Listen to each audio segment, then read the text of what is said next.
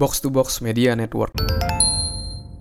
Hai, Sandra Spordes, dan pada podcast kali ini saya akan sharing tentang tips agar tidak terjebak dalam kesibukan. Dan inspirasi ini saya dapat beberapa waktu belakangan ini.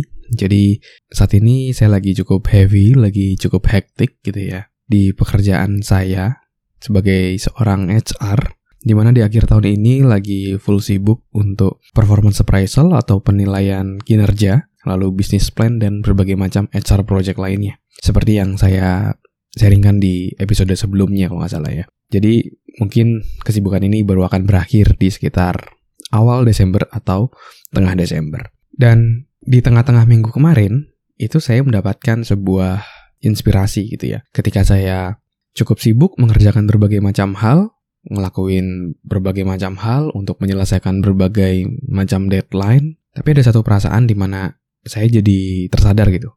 Yang saya kerjakan ini apakah sudah hal yang benar-benar paling penting atau belum ya? Jangan-jangan yang saya kerjakan selama ini itu adalah hal-hal yang tidak terlalu esensial yang sebenarnya bisa didelegasikan orang lain dan saya bisa lebih fokus pada hal yang paling penting.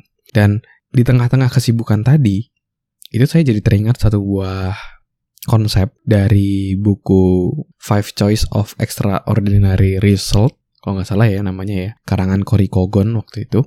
Jadi di dalam buku tersebut dijelaskan nih ketika saya bekerja itu saya teringat satu konsep ini. Jadi ketika kita bekerja atau ketika kita memutuskan untuk melakukan sesuatu kebanyakan dari kita itu cenderung dipengaruhi oleh dalam tanda kutip emosi atau urgensinya gitu ya. Karena dalam otak kita itu ada satu bagian yang namanya bagian amigdala.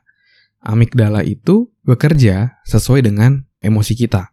Jadi misalnya ketika kita merasakan takut lalu kita bereaksi melakukan sesuatu, nah itu adalah reaksi dari bagian amigdala. Jadi kayak misalnya contoh, tiba-tiba kita mendengar suara sirine atau suara alarm, kita langsung berlari keluar rumah misalnya gitu atau berlari keluar gedung misalnya. Itu adalah fungsi dari amigdala. Atau ketika misalnya ada hal-hal yang tidak diinginkan terjadi, kita langsung memutuskan untuk lari atau kabur dari situasi tersebut agar tidak terancam gitu ya dari situasi tadi. Nah, itu adalah amigdala ketika kita bereaksi dengan satu yang namanya emosi. Dan ada satu bagian otak lagi yang cukup penting yaitu adalah namanya prefrontal cortex. Itu adalah bagian di mana kita bisa berpikir secara logis, kita bisa berpikir secara sistematis, dan kita bisa memutuskan mana yang paling penting untuk kita lakukan yang paling berdampak pada pekerjaan ataupun masa depan kita. Jadi ada dua bagian otak tadi. Nah, kebanyakan orang, termasuk saya juga, kadang-kadang saya juga melakukan hal ini, yaitu adalah melaksanakan atau melakukan sesuatu itu dalam tanda kutip dikontrol oleh amigdala saya. Jadi ketika, oh ada yang urgent apa nih saat ini? Terus misalnya contoh tiba-tiba diminta atasan saya melakukan pekerjaan yang A, B, C, begitu banyak gitu ya. Kadang-kadang yang merespon itu adalah amigdala saya. Jadi ketika dapat tugas, mendadak tugas sebelumnya yang paling penting, yang sesuai dengan target dan kepentingan dari perusahaan yang lebih penting, justru menjadi teralihkan dengan pekerjaan yang lain yang baru masuk kayak gitu. Karena saya waktu itu meresponnya dengan amigdala tadi. Jadi saya nggak berpikir secara logis langsung mengerjakan tadi. Dan sampai akhirnya di tengah minggu lalu, itu saya tersadar bahwa minggu ini karena saking padatnya, saking sibuknya, beberapa kali saya bekerja menggunakan otak amigdala tadi. Di mana saya mengerjakan sesuatu ya berdasarkan stimulus, berdasarkan emosi, mana yang mau saya kerjakan, mana yang menurut saya waktu itu lebih urgent kayak gitu ya. Tapi sebenarnya kurang esensial, masih banyak yang lebih esensial, masih banyak yang lebih penting. Dalam buku tersebut dijelaskan ada satu teknik nih, di mana ketika kita udah mulai melakukan sesuatu dengan karena dipengaruhi oleh emosi tadi, kita bisa loh untuk menggunakan otak prefrontal cortex kita untuk berpikir jauh lebih jernih dan memutuskan jauh lebih baik. Jadi kita tidak terjebak dalam kesibukan kita. Nama tekniknya adalah PCD atau PCD ya. Jadi ini adalah sebuah singkatan gitu ya yang bisa kamu pakai ketika kamu sibuk terjebak dalam kesibukan, sesekali kamu bisa menggunakan teknik ini. Teknik ini adalah singkatan dari P-nya adalah dari pause, C-nya adalah clarify, dan D-nya adalah decide. Jadi ketika kita sibuk banget, terjebak dalam kesibukan, coba sesekali kamu berhenti sejenak, lalu kamu berpikir gitu ya, kamu clarify. Clarify atau memperjelas. Apakah yang saya kerjakan ini adalah hal yang benar-benar penting? Atau yang saya kerjakan ini adalah hal yang kurang penting tapi karena ada emosional di sana, karena ada deadline atau gimana, saya memutuskan untuk mengerjakan. Jadi bukan berdasarkan kepentingan tadi. Nah, ini kamu perlu lakukan nih beberapa kali dalam sehari. Mungkin kamu bisa pakai alarm gitu ya di handphone kamu untuk mengingatkan, untuk pause dulu sejenak, untuk bisa aware, untuk bisa melihat apakah yang kita lakukan ini adalah hal yang paling penting atau enggak. Kamu bisa pasang alarm gitu ya terus kamu bisa tulis pause atau misalnya di alarm itu kamu tulis kata-kata seperti ini. Apakah yang kamu lakukan saat ini itu adalah hal yang benar-benar paling penting?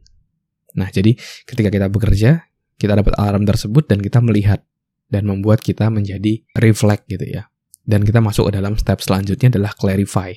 Kita memperjelas apakah benar yang kita lakukan saat ini itu adalah hal yang paling penting atau enggak dan Otak kita berpikir dengan pertanyaan. Ketika kita bertanya seperti itu, otak akan langsung mengevaluasi dari berbagai macam yang kita lakukan, lalu membandingkan satu dengan hal lainnya, tugas-tugas kita, apakah benar yang kita lakukan ini, ini adalah hal yang paling penting. Di fase tersebut, kamu bisa melakukan clarify, kamu perjelas. Dan step terakhir, itu adalah decide, atau kamu memutuskan. Setelah kamu udah jelas, setelah kamu udah clarify mana yang paling penting, mana yang enggak. Kamu sudah mulai aware apakah yang kamu kerjakan saat ini paling penting atau enggak. Selanjutnya adalah kamu decide apakah kamu mau meneruskan apa yang kamu lakukan saat ini atau kamu mau mengubah apa yang kamu lakukan saat ini untuk mengerjakan hal yang jauh lebih penting. Atau bisa juga kalau kamu ada tim, kamu bisa delegate ya, kamu bisa delegasikan tugas-tugas yang bisa kamu delegasikan mana kamu kelompokkan, kamu kasih ke tim kamu, dan kamu bisa mengerjakan hal lainnya yang benar-benar paling penting. Nah, itu bisa juga kamu lakukan.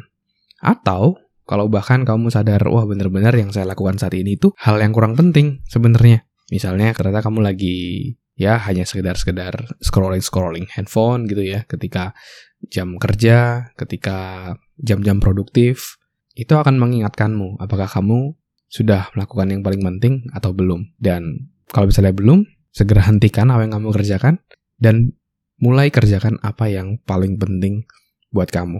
Apa yang paling berdampak buat kamu untuk masa depanmu dan kamu bisa mencapai goalmu. Dan itu inspirasi saya di minggu ini. Gimana tips agar kamu tidak terjebak dalam kesibukan. Agar kamu bisa aware dengan apa yang kamu lakukan saat ini dan secara sadar memilih apa yang mau kamu kerjakan yang paling berdampak paling positif dalam hidupmu.